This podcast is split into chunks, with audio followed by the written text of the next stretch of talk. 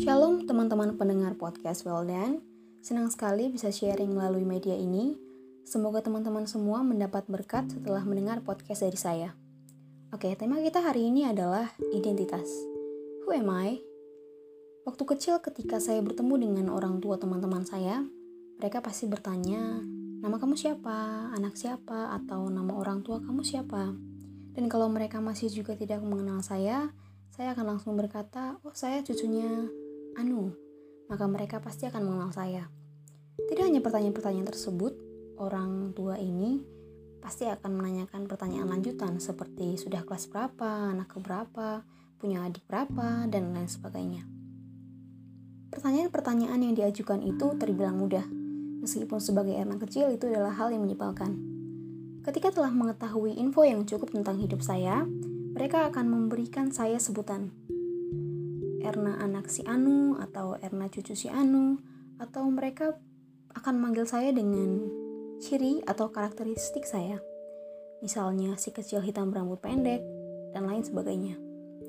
Teman-teman, jika sekarang saya bertanya, "Who are you?" bukan sebagai anak dari ibu A atau anak dari bapak B, melainkan sebagai anak Tuhan Yesus, apakah jawabmu?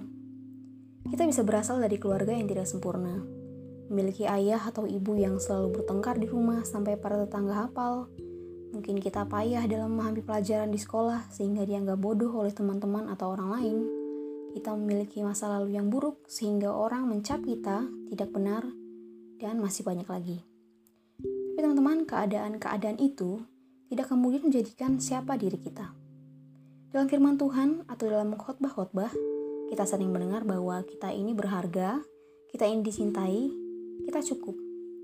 Tapi sudahkah kita benar-benar menghidupi kalimat-kalimat tersebut? Kenyataannya manusia memiliki kecenderungan untuk lebih menanggapi ucapan negatif dari orang lain daripada menanggapi kebenaran dari Bapa. Dalam surat Efesus pasal kedua ayat yang ke-10 dikatakan, Karena kita ini buatan Allah yang diciptakan dalam Kristus Yesus untuk melakukan pekerjaan baik yang dipersiapkan Allah sebelumnya.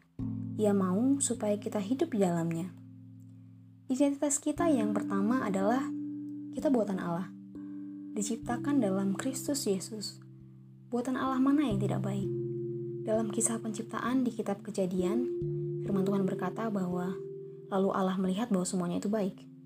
Itu artinya tidak ada ciptaan Tuhan yang tidak baik. Mari hidup dalam kebenaran ini, teman-teman. Fokus pada apa kata Tuhan, bukan apa kata orang. Yang kedua, kita dipersiapkan Allah sebelumnya. Jika kita hendak membuat masakan, sangat perlu mempersiapkan apa-apa yang dibutuhkan, mulai dari bahan-bahannya, bumbu, alat yang akan digunakan, dan lain-lain. Saya yakin jika segala sesuatu dilakukan dengan persiapan yang baik, hasilnya tidak akan gagal. Begitulah Tuhan ketika Ia membuat kita dengan tangannya. Ia mempersiapkan hidup dan masa depan kita dengan sangat baik.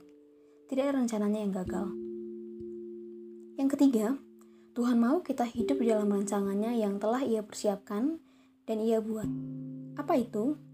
Melakukan pekerjaan baik. Menjadi anaknya yang melakukan hal-hal luar biasa, menjadi terang di mana pun dan ke mana pun kita berada. Teman-teman, kalau Tuhan sudah persiapkan hidup kita begitu rupa, tetapi kita masih saja bergumul dalam hal-hal yang melenceng dari rencananya, maka kita tidak akan bisa merasakan berkat yang Tuhan sediakan. Kita akan selalu menjadi apa yang orang lain katakan. Sebagai anak, setelah mengetahui kebenaran ini, bahwa identitas kita dalam Kristus adalah sebagai terang, kemudian apa respon kita? Yuk, kita berhenti menghidupi identitas yang orang lain buat dalam hidup kita dan mulai menghidupi identitas yang Tuhan katakan. Kita mau belajar tunduk kepada Bapa, mengikuti alur yang Ia buat, melakukan pekerjaannya sehingga ketika orang-orang melihat kita, mereka akan mengenali bahwa kita adalah anaknya. Tuhan memberkati.